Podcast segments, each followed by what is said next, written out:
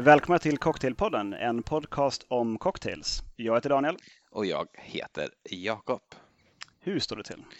Eh, det är väl på det hela taget bra. Jag har, varit, eh, jag har varit på en dejt med din fru alldeles nyss.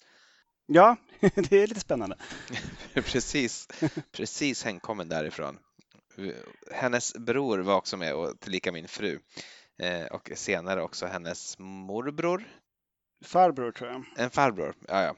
En, en föräldrabror i alla fall som anslöt upp, eh, på någon, en kinesisk restaurang som jag aldrig ätit på tidigare som eh, hennes bror då hade lyckats nosa upp med helt fantastisk mat och även helt fantastisk billig mat. Så hade jag bara kommit ihåg vad den heter så hade jag tipsat om den nu. Men den ligger i närheten av stadion så går du omkring där och ser en liten så här hål i väggen Kina-krog så gå in genast och beställ allt de har på menyn. Det var fantastiskt.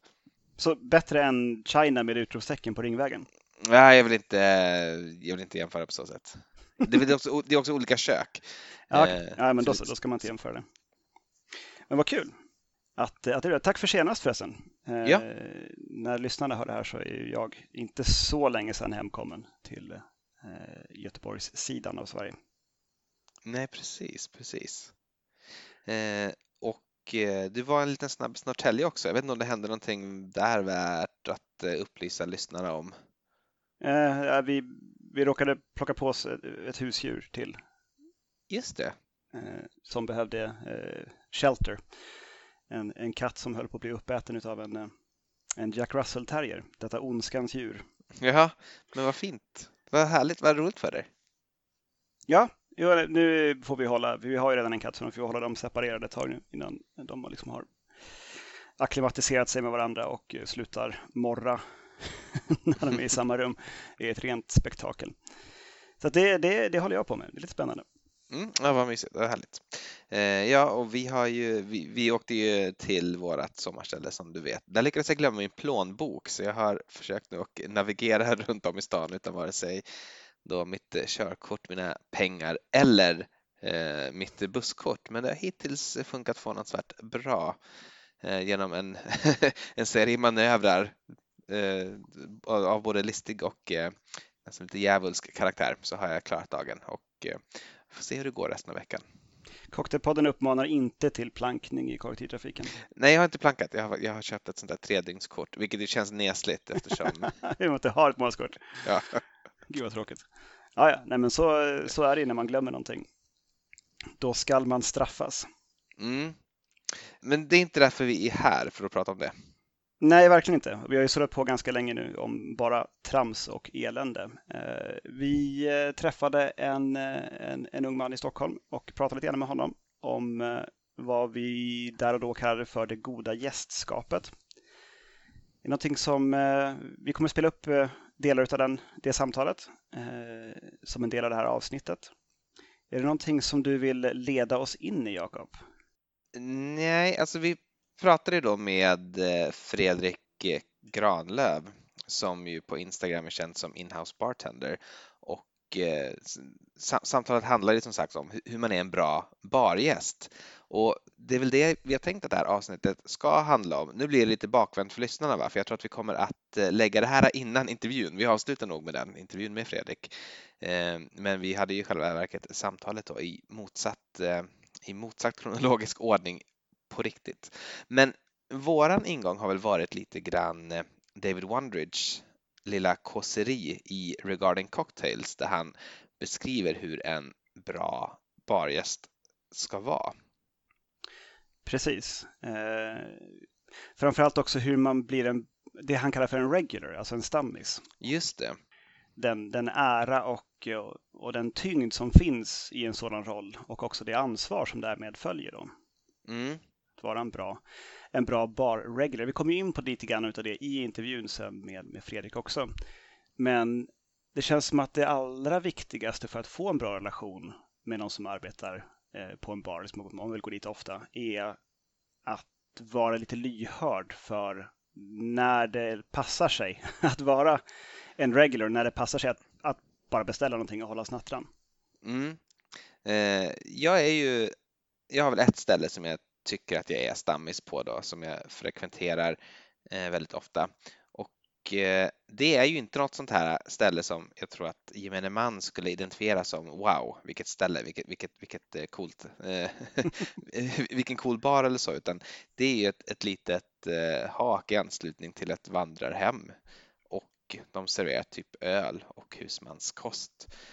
Det ligger också extremt nära till där ni bor. Ja, det, det är nog mycket det som, som är det. Men, men jag har funderat lite grann på var, varför det är så liksom trevligt där och det är två saker som jag har eh, lyckats eh, plocka ut. Och eh, det här kan nog vara väldigt individuellt. Men nummer ett, det finns alltid plats i de bekväma fåtöljerna. Ibland har vi kommit när de har AV och då är det inte plats i de bekväma fåtöljerna så då har vi fått sätta oss vid ett sånt vanligt liksom, matbord.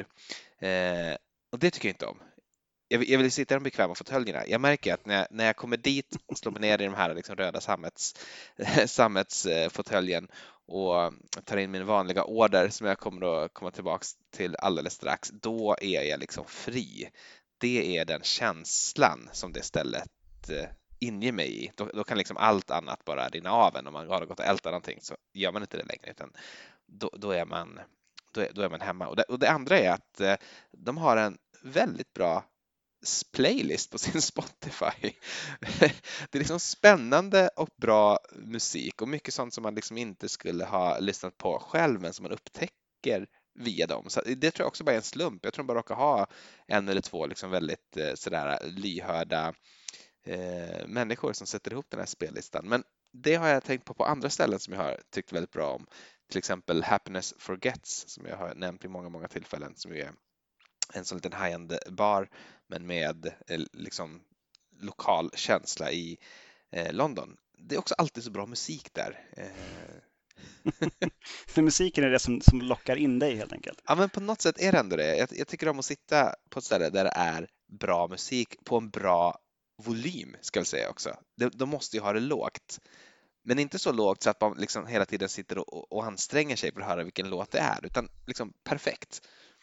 Och det tycker jag de lyckas med. Så det, det, är, nog, eh, det är nog ett av svaren. Och såklart, det ska ligga bra till.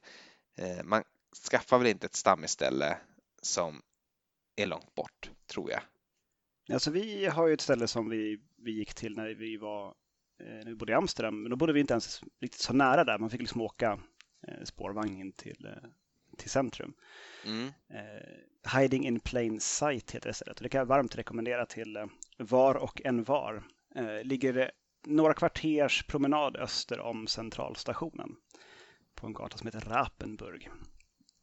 en sån liten eh, typ speakeasy liknande bar fast med, med, som man kan lockas in utav namnet så är det förstås de gömmer sig eh, mitt i det öppna. De har nämligen stora fönster ut mot gatan och ser liksom på håll ut som ett helt vanligt holländskt brunt ölcafé. Men eh, där bakom döljer sig eh, några trixiga bartender och väldigt, eh, väldigt roliga menyer. Och eh, det gäller liksom att komma, komma tidigt så att man kan få en plats vid baren. Och då, vi har ju förstås som vi har våra egna platser där vi alltid sitter och får vi inte sitta där då är vi griniga, ungefär som du med dina sammetsfåtöljer. Ja, jag alltså, känner igen det väldigt Ja, man sitter liksom vid, vid kortsidan av baren, liksom har ryggen mot, eh, mot ytterväggen och inklämd vid kortsidan som liksom har utsikt över hela baren och det är en ganska liten bar. Det ryms två, två arbetare där bakom och då är de verkligen, då får de tycka om varandra. Liksom. Så där, eh, dit har vi varit eh, några gånger när vi bodde där men också efter att vi flyttade från eh, landet så har vi återkommit och varje gång vi, vi är i Amsterdam så försöker vi komma, komma dit och liksom få, få någon stunds lugn där som i och för sig ganska ofta utvecklar sig till, till några timmars lugn. vi brukar alltid försöka gå dit innan vi ska, vi ska ha en plan, vi ska gå och äta. Och sen så blir vi bara kvar och typ lever på oliver och popcorn. Mm. Eh, det är det som de liksom, som snacksen de har som man liksom försöker. De försöker hålla oss tillräckligt snackade så att vi ska överleva. Ja, men ibland är det ju så trevligt att man inte behöver någon mat. Man kan liksom leva på trevnad alena på något vis. Väldigt ofta är det ju så. Och det är också det Mo som kom och eh, hjälpte oss med, eh, med bröllopsfesten. Eh, var ju bartender på, på Hiding in Plain Sight under de åren. Så att vi fick ju en, en så pass bra relation med honom att vi tyckte att det var, att det var rimligt att fråga om han lite sådär obetalt ville flyga upp till, till Göteborg och, och skaka drinkar en kväll för folk han inte känner. Mm, och det gjorde han ju också. Det gjorde han med den äran. Eh, jag kan ibland känna mig som stammis faktiskt på ställen som jag aldrig har besökt. Det är ju fantastiskt. Så här, vi går ju, jag och Linda tänker på då, vi, vi, vi letar ofta upp liksom de bästa cocktailbarerna när vi är på resa och försöker göra lite research och försöker liksom hitta de high-end ställena. Och nu kommer säkert, om det är någon bartender som lyssnar på det här eller någon barägare, inte alls hålla med, men, men jag tycker lite grann så här ändå att alla de bästa ställena, de liknar varandra på ett sätt. De liknar varandra på att de liksom sätter kvalitet väldigt högt och att de tar sitt hantverk på allvar och att de har liksom en noga curated eh, samling flaskor bakom bardisken. Eh, det, det finns ett mått av igenkänning när man kommer in. Och nu tycker jag mig ha varit på så många fantastiskt bra cocktailbarer runt om i världen att jag liksom redan hör hemma där. Jag förstår att de inte känner igen mig, men jag känner igen dem. Eh, när jag glider in på The Lobster Grill för första gången i Hongkong så nickar jag ändå igenkännande åt bartendern Eh, och liksom sätter mig bekvämt i bardisken och, och vet att snart kommer han att komma med eh, lite snacks och ett glas vatten. För att vi känner ju varandra. Vi, vi känner inte varandra egentligen, men vi gör ändå det på något sätt. Och det här, eh, det är liksom ett sorts, det är ett sorts andligt stammisskap antar jag. Eh, som ändå är ganska trevligt att ha. Man känner sig inte bortkommen med det. det man kan känna sig betydligt mer bortkommen på dive bars. Liksom. Man, man glider in på något ställe och så märker man att det här är ett ställe för hårdrockare där folk sitter och, och brölar till Iron Maiden eller vad hårdrockare nu lyssnar på. Då är man ju inte hemma. Men jag tycker att på de här liksom bästa ställena, där är man alltid hemma. Det kan ju också bara vara att de, är så, att de har ett sånt fantastiskt värdskap att man liksom omedelbart känner sig som att man har en självklar rätt att vistas där. Nej, men det, det är rätt. Det finns ju någon slags regi i, i hur det där går till. Alltså ett schema liksom för ungefär hur det går till när man kommer till en sån bar som du pratar om. Mm. Och just liksom det, det kommer, kommer alltid lite vatten. Gärna på en liten, liten assiett eller någonting och så lite glas med vatten och sen kanske något, något snacks. Medan man får liksom läsa i någon extremt konstfärdigt gjord eller bara stilrent tjusig meny. Precis. Och liksom svag musik i bakgrunden och typ ljud av någon som arbetar i baren. Och där liksom blundar man i de lägena och sippar på sitt vatten och väntar liksom på sin drink så är man ju på alla de ställena samtidigt. Ja, men lite så, lite så är det ändå att liksom alla, alla, alla, de, alla de bästa ställena, det finns ett släktskap eh, och det släktskapet kan man liksom plugga in i. Eh, jag tänkte komma direkt kanske till min eh, drink för dagen. Eh, I Stockholm där jag bor då har jag egentligen inget stammisställe där de serverar cocktails, åtminstone inte det är något speciellt framträdande eh, val på menyn. Och eh, min drink för idag är inte heller en cocktail utan det är den beställning som jag gör 19 av 20 gånger. och den beställningen, den är en Sleepy och en Staro och det är kort då för en Sleepy Bulldog från Gotlands bryggeri och en Staro Brno.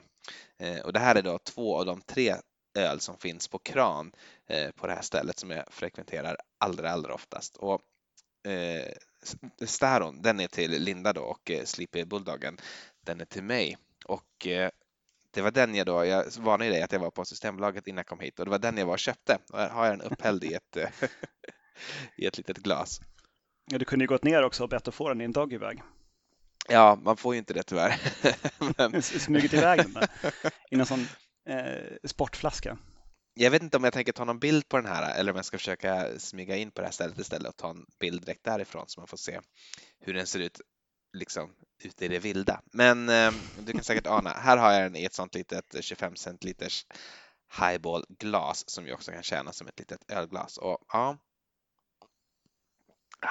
ja men man är direkt eh, man, man, är direkt hemma på något sätt. Nu är, en, nu, nu är livet bra. Mm. Eh, min drink för kvällen eh, eh, är drinken för kvällen enkom för att den heter The Perfect Guest. Jag tycker ändå liksom på något vis knyter an till det vi pratar om. Den är skapad till tävlingen World Class, den spanska deltävlingen 2012 av en Giuseppe Santamaria. Och det är en, en variant av en, en vodka martini kan man säga. 4,5 centiliter vodka, 2 centiliter Lillet Blanc, 1 centiliter fläderlikör eh, och ett stänk med selleribitters. Eh, rört med is och silat till kylt glas och garnerat med citronzest. Och så ser den ut. Mm, läcker. Mm. Ja, den skäms inte för sig. Jag skulle ju garnerat den förstås med, eh, med selleri. Mm. om, om jag hade varit Giuseppe. Men, eh, men visst, man kan väl ha liksom en, en citronzest som man klämmer över och sen slänger och sen så garnerar man med en liten bit selleri. Det kanske, men det kanske också är någonting att det ska inte vara perfekt heller. Det måste alltid finnas rum för eh, förbättring. Mm. Det står ju inte i receptet om eh, Giuseppe gick vidare med den här drinken, det står bara att han tävlade med den i World Class 2012. Hade han haft en liten bit selleri, tror du att han hade gått vidare då? Med ja, det, säkerhet? Det tror jag nästan helt säkert. Giuseppe, om du lyssnar, kom tillbaka, gör ett nytt försök. Eh, jag har inte så mycket mer som jag tycker att jag behöver säga nu, utan är ganska beredd att eh, låta Fredrik, the inhouse bartender, ta vid. Vill du säga någonting mer om, eh, om det här kåseriet i Regarding Cocktails av David Wondrich innan vi knäpper på vår intervju? Ja, det är väl möjligtvis det att, att liksom, om man har blivit stammis på ett ställe så får man liksom se det som lite utav ett ansvar att, att hjälpa till på något vis. Man behöver liksom inte ställa sig och diska glas eller något sånt. Men är man på väg liksom från toan tillbaka till sin plats och ser liksom någonting som i förbifarten kan plockas med eller, eh, eller liksom ställa upp någonting som har fallit omkull eller så, så kan man ju passa på att göra det. Eh, eh, om det är så att baren specialiseras på någon särskild grej så kan man ju slinka förbi med någon flaska av någon specialgrej som bartenderna kanske själva får experimentera med men som kanske inte får finnas i barhyllan. Det får vi höra Fredrik oja sig över att det inte går med svensk alkohollagstiftning. Det kommer vi faktiskt in på under intervjun. Jag tycker mycket av det som finns i Wonders-artikeln eh, förekommer ju också i intervjun. Men eh, bara en, en, allmän rekommendation till att köpa eh, Sasha Petrasks Regarding Cocktails och lusläsa den boken. Det, det tycker jag man ska Bra, och med det så låter vi bandet rulla. Skål och godnatt! Godnatt! Tramsar vi ju helt och hållet vid någonting så får vi liksom då får vi klippa lite grann så det är inte så farligt. Nej, det, det, det löser sig. Men ska vi börja köra helt enkelt? Ja. Känns okej? Okay? Ja, Bra. absolut. Då vill jag hälsa Fredrik eh, Inhouse Bartender på Instagram välkommen till Cocktailpodden. Tack så mycket, kul att vara här. Jättekul att du ville komma. Vi har ju pratat lite grann om att vara en bra bargäst. Eh, egentligen har vi inte pratat om det än för att det här spelar vi faktiskt in först av allt. så, så, så, jag vet inte riktigt, vi, vi, kommer inte göra några referenser till sånt som har pratats om tidigare i avsnittet men eh, jag tror att det här kan bli bra i alla fall.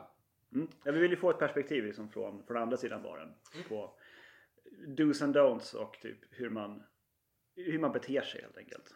För du är ju professionell bartender och eh, du kan väl börja med att berätta lite om dig själv och vart du jobbar och hur du kom in i den här branschen. Absolut. Eh, för tillfället så jobbar jag på eh, Nordic Light Hotel som är ett av Choice-hotellen som ligger på Vasagatan. Ehm, där har jag jobbat sedan november nu.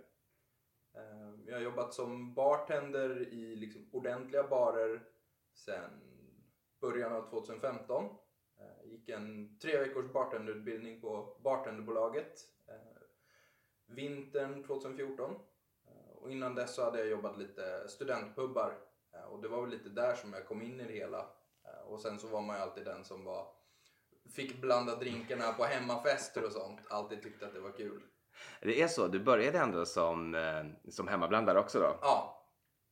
Och hur, då kan du ju direkt svara, hur, hur skiljer det sig att stå i en bar och att stå vid en diskbänk?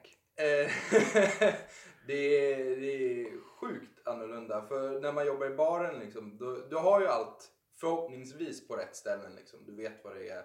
Du kan det är lite mer okej att liksom spilla lite för du har din ränna där och du har diskon nära till hands. Medan när du står i köket, ja, först ska du ju flytta ner liksom allting. Och då måste du ju lite tänka också, vad, vad ska du göra för drinkar? För annars blir det ett jävla spring. Jag bor ju i hus liksom, några våningar springer jag fram och tillbaka mellan spritförrådet och så. Eh, och sen isen är väl det jobbigaste. Jag har försökt övertala dem där hemma att vi ska köpa en ordentlig ismaskin. för annars så blir det liksom några rundor till Coop och köpa ispåsar från iskompaniet liksom. Mm. Ja, det känner jag igen också. Jag, har- jag har egentligen slutat att göra is själv nu. Det jag köper, köper all is. Och har också en, en frys enkom för detta. Som står i vår lilla eh, garderob som du tittade in i precis innan Ja. vi tryckte på räck här. Vad, vad tycker du om att blanda åt andra och vad tycker du om att blanda åt dig själv? Bland åt andra tycker jag väl är det roligaste. Det är lite som att laga mat. Det är alltid roligare att göra åt andra. Ehm, där beror helt och hållet på liksom vad, vad folk vill ha. Farsan vill alltid ha old fashion liksom. Det är ju alltid svinnice att blanda. Det går fort, det är lätt. Och det tycker även jag om att dricka. Uh, vanligtvis för mig så brukar jag väl, när jag är hemma blir det väl alltid en daiquiri. Det går Mm. snabbt, det är svingott. Ehm, ute så tycker jag alltid det är kul att pröva något nytt liksom. Ser man något på menyn som man inte har druckit förut, alltid nice att dricka. Men när det kommer, när det kommer branschfolk då till baren där du jobbar. Mm. Eh, hur, hur, är hur är det att skaka till dem? Det är väl, alltså vanligtvis så känner man ju folket. Ehm, det är mycket, mycket, speciellt eftersom vi har tre stycken Choice Hotel eh, inom ett litet område så går vi på AV liksom hos varandra om vi slutar tidigare. Eh, vanligtvis så dricker ju de bara bärs och ja, Mm, det är så. det brukar vara så. Det är så. Jag, har det, jag tycker det är... Jag, jag, jag tycker jag har fått det svaret av andra också. Att, eh, att man, man lämnar det liksom då. Mm. Men det beror ju också på vad det är för bar man går till. Liksom. Hotellbarer som vi jobbar i, ja men då, då kanske man kör liksom en enkel bärs och något järn. Men går man till en polare som jobbar i någon schysstare cocktailbar, ja men då kanske, man, då kanske personen redan vet liksom vad man brukar dricka. Mm. Eh, Är det en daiquiri, är det en old fashion, är det en aviation liksom?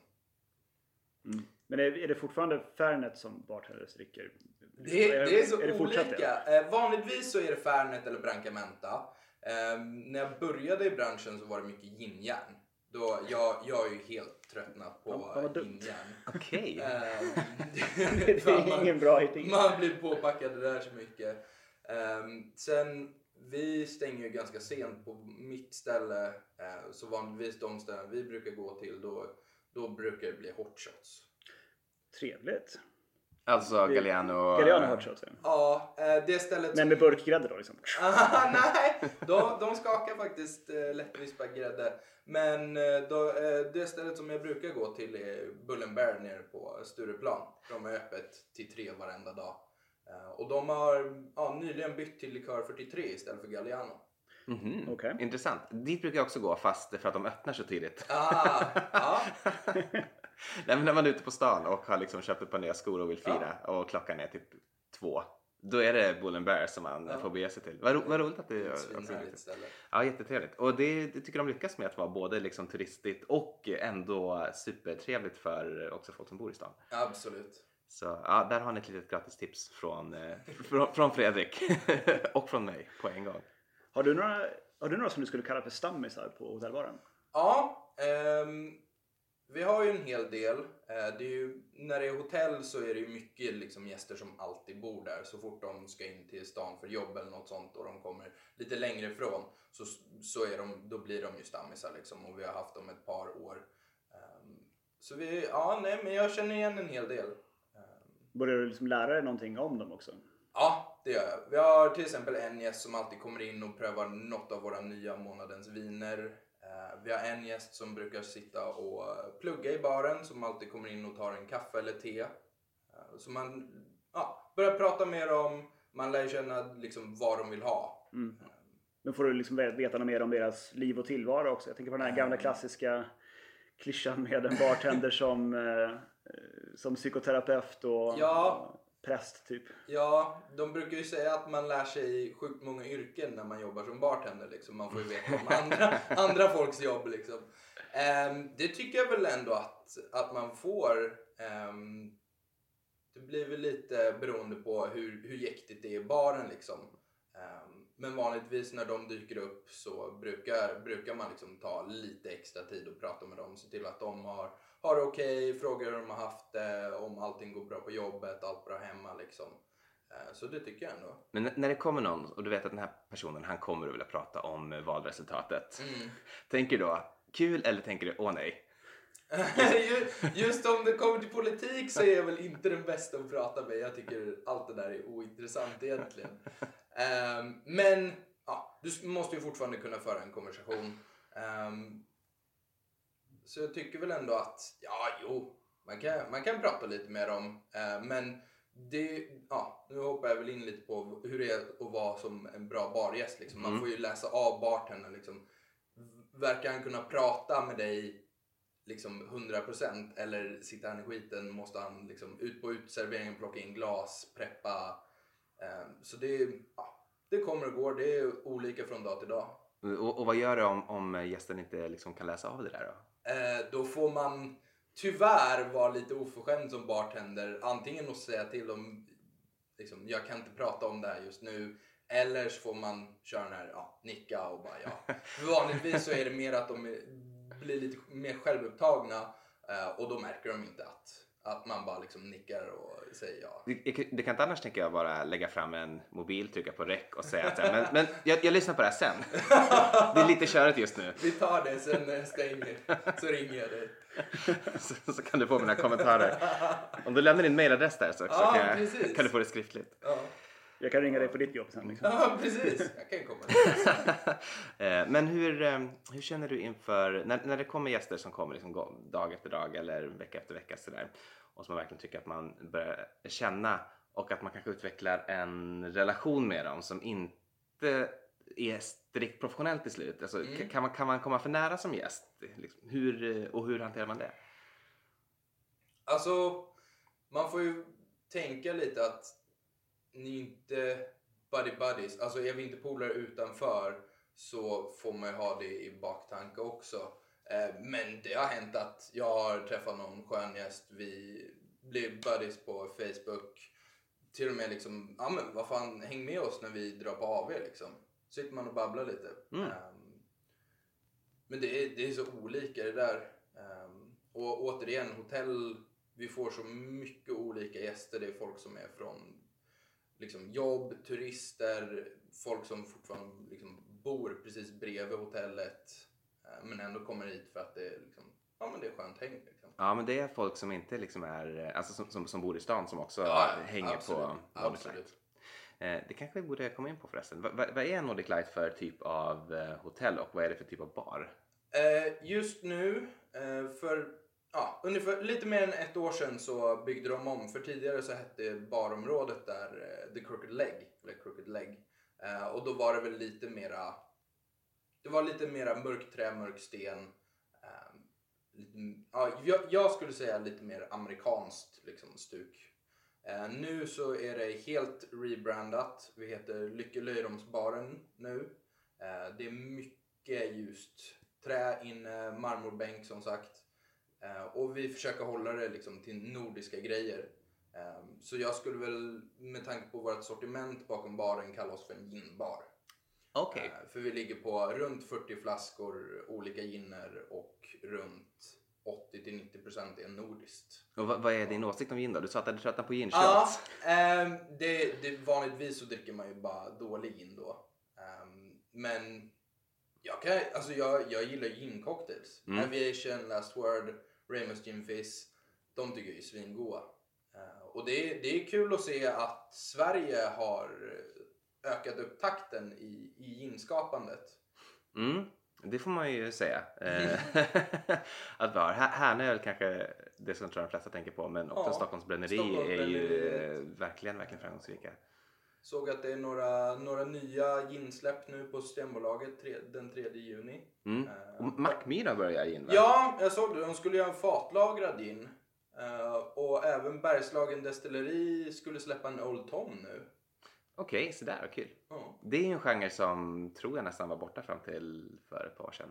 Ja, Men, men det kommer, det kommer tillbaka. Eh, han pratar om ett bra gästskap, eller vad Mm. vi ska kalla det för. Eh, hu- hur, hur ser din drömgäst ut? wow. Du behöver inte Eh, fokusera så mycket på utseende och stil. Utan Mera, hur ska man vara? Nej men alltså, som gäst så tycker jag väl ändå att man, man, man ska ändå känna till att du, så fort du kommer till baren så kommer bartendern se dig. Är det en bra bartender så kommer han uppfatta att du är där. Det som vore nice är ju om, om man hälsar liksom. Man säger hej, tja, eh, ska vi sätta oss ner eller ska vi beställa här med dig? Eh, det beror lite också på liksom, om bartendern sitter i skiten, vad det är för ställe liksom. Ehm, men sen, bara, i, bli inte för full. Aj då. Ja. Den, det- den, den gör jag fel på. Nej men var inte oförskämd liksom. Sitt inte och knäpp med fingrarna, vissla. Eh, bara behandla bartendern som du själv skulle vilja bli behandlad. Det får mig ju att komma in på en fråga som jag tror att eh, många eh, ställer sig själva ganska ofta som är gäster. Nämligen om, om man är på ett ställe och det är ganska fullt eh, och man vill ha påfyllning. Mm. Hur ska man på ett bra sätt påkalla bartenderns uppmärksamhet? På, på ett sätt som gör att man inte är en röv. Alltså som sagt, är, är, det, är det mycket folk i baren, bara ställ dig i baren. Alltså ställ dig inte längst bort. Nu har vi en, en eh, bardisk som är typ 10 meter lång. Och det händer att folk ställer sig på helt andra sidan. För vi har liksom barbatterier på varsin sida och vanligtvis så jobbar vi i den som är längst in mot restaurangen. Mm. Men det händer att folk går och ställer sig på andra sidan. Eh, så alltså, ställ dig i närheten av bartendern. Som sagt, bartendern kommer uppfatta att du är där och har man någorlunda koll på köerna, det, du kommer inte bli bortglömd. Du kommer inte stå där i en timme liksom och vänta. Bra, bra. Och eh, ska, man ta, ska man ta en öl då tänker jag? Eller eh, vad, vad, vad Ta exakt vad du vill. Alltså, vi är ju där för dig. Vi är ju där för att du ska få dricka det du vill dricka. Och vi kommer göra vårt bästa liksom, för att du ska kunna dricka det, det du vill. Men kanske ta någonting från menyn. I de lägena liksom. Om det är mycket folk i baren tänker jag. Alltså det spelar inte någon större roll heller. Alltså en bra bartender kan ta emot flera beställningar på samma gång. Man lär sig att hantera liksom, ja men den där personen ska ha en skakad drink, den där personen ska ha en röd drink, den här personen vill ha fyra bärs och fyra järn liksom. Man kan på något sätt börja multitaska in allt det där. Eh, Men det kommer ju med åren liksom. Ja, det är klart. Eh, om du har någon rolig anekdot om en väldigt, väldigt dålig eh, gästupplevelse så skulle det vara jättespännande att höra. Oj. ehm, ja. Ett avskräckande exempel. Jag tycker, jag tycker, inte, tycker egentligen inte om att liksom trashtalka någon. Men det, det är ju de här gästerna som sitter och visslar och knäpper. Och vi hade faktiskt någon konferens i slutet av förra året. När det var en stor gruppbokning. Eh, De hade abonnerat hela restaurangen. Och vi hade liksom en egen liten baryta åt dem i den delen de var. Eh, och en person i deras sällskap började liksom kräva. Det bara, jag förtjänar det här. Sitter och knäpper och visslar och bara, ah. Och det, ja, nej. Till slut så skällde vi ut, alltså alla bartenders. Jag tror vi var tre stycken som jobbade och alla kom dit och bara skällde ut den. ja, det är bra. Bra, bra lösning på problemet. Bara, nej, nu får det vara nog. Ja. Vad förvånad de måste blivit också. Ja, antagligen. Eh, För hon, hon betedde sig resten av kvällen. Nice. Ja, men det, ibland behöver man en, eh, man behöver en liten uppläxning. Ja. Det, det kan vara bra för en. Sen har vi en fråga som jag vet att Jakob är intresserad av. Eh, som vi har varit inne lite grann på i podden tidigare. Att eh, Jakob har liksom ett, ett tics i livet på något vis. Med att han måste få bartenders att tycka att han är lite cool i baren med sina beställningar. Nej. Så finns det något sätt man kan göra det på? Liksom, eller typ släntra in och beställa vad som helst men typ med mescal istället för spriten som det ska vara. är, det coolt? Alltså, jag, jag vet inte om, det, om, om jag har någon uppfattning om vad som är coolt. Det är mycket, mycket snack om det här är en tjejdrink, det här är en killdrink. Eh, men coola drinkar och ocoola drinkar. ehm, Alltså, för mig är det lugnt så länge du inte beställer någon sån här mjölkgrogg. Då är du cool i min bok. Bra, det är lätt. Och dricker du, dricker du kalla Fernetjärn och inte varma, för det har jag börjat upptäcka att folk, folk vill ha varma Fernetjärn. Eller liksom ljumna. Bara rumstempererade? Ja, men precis. Bara, ta den på hyllan och inte den i kyllådan. Bara, va? Varför? Är det för att det ska vara ännu, ännu bittrare eller vad är skälet? Jag vet inte. Eh, Det kan ju inte vara för njutningens skull, tänker jag. ett, ganska få dricker Fernet för njutningens skull, tror jag. Jag vet inte. I alla fall på det sättet. Mm. Ja. Eh, Jag, jag tänker annars att något som jag skulle kunna göra är ju att beställa en Fernet, men en annan Fernet då. In, in, inte, inte Branca utan vad, vad har ni för Fernets? Oj. Ja, ja vi har Branca. vi har Branca. Eh, det tror jag är ungefär det vi har tänkt. Eh, Jo, det var det här i och för sig. Eh, I Wondrich, det här lilla kåseriet om eh, stammisar, så nämner jag liksom att om du är på typ en bar som har en väldigt speciell inriktning, typ om det är en vodka-bar liksom, och du råkar befinna dig i Kyrgyzstan, Mm. plocka med en flaska kirgisisk vodka till den baren och ställ in den där. Liksom. Är det ens lagligt möjligt att göra i Sverige? Om någon kommer in med en flaska och säger kan du ställa den här i, bakom baren? Liksom. Ni får den. Ni någonting kul med den. Får ni ta emot det då eller är det, det är kört? Liksom. Vi kan inte ta emot någon flaska utifrån. Av det jag uppfattat av alkohollagar och regler, nu var det jättelänge sedan jag gick den här stadutbildningen, men det får du inte.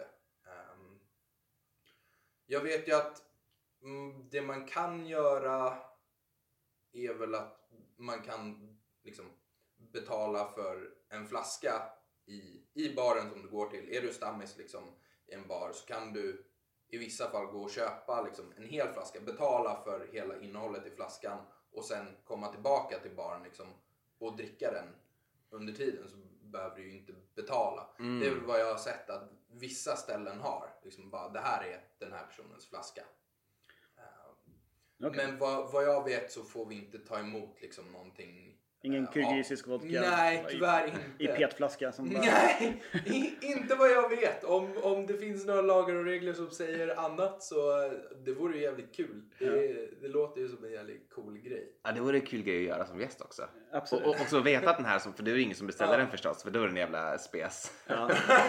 som, som ingen ens vet vad det är. Så kan ni stå där liksom år efter år, så kan man gotta sig tycker jag. Att, mm. Den där har jag, Det är min den där har flaska. jag skänkt. Det är roligt ändå. Jag har ju gett en flaska svensk punch till en bar en gång. Mm. Det var inte i Sverige. Eh, Liksom för att en del gamla drinkar har svensk punch Mm. som ingrediens. Det var ju lite kul liksom. Ja, det, men de definitivt. brydde sig inte så mycket om svensk alkohollagstiftning. Så att, Ja, det är väl rimligt eftersom de inte, inte var verksamma i Sverige. Men en sista grej kanske. Hur spelar dricks in i relationen med en bargäst? Ehm, vi, får, vi får den frågan ganska ofta liksom, av utländska gäster.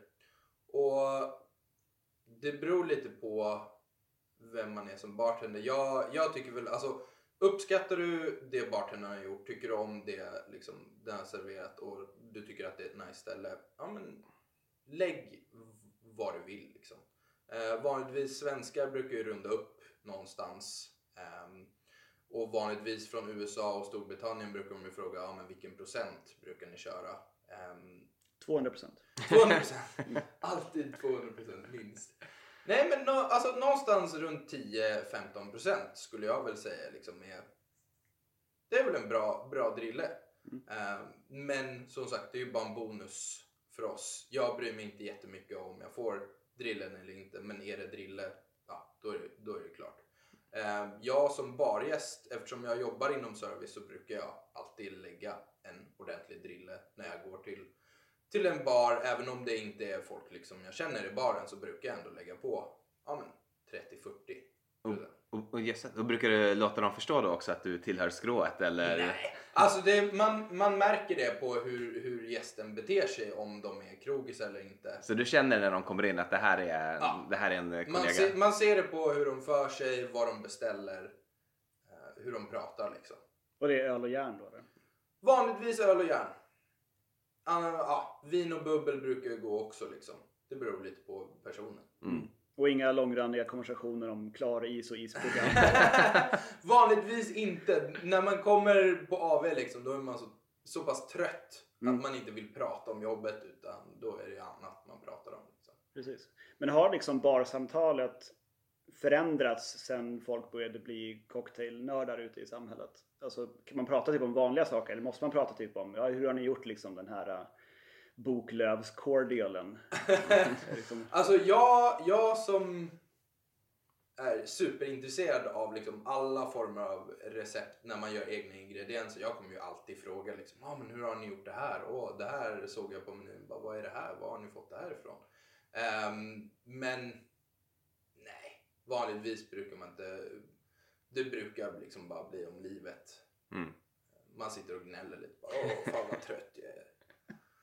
Nej, men det är som alla andra samtal i ja, hela landet. Liksom. precis.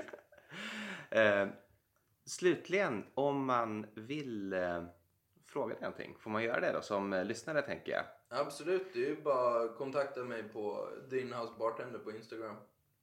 Det är bara att fråga på. Bra, eller besök dig på... Ja, eller besök mig på Nordic Light. Absolut. Då... Eller kom till. Ja, eller... och få en Old Fashion kanske. Ja. Kanon. Tack så hemskt mycket. Tack, Tack så jättemycket själva. för att du eh, ville komma hit. Tack så mycket. Det var det. det, var det.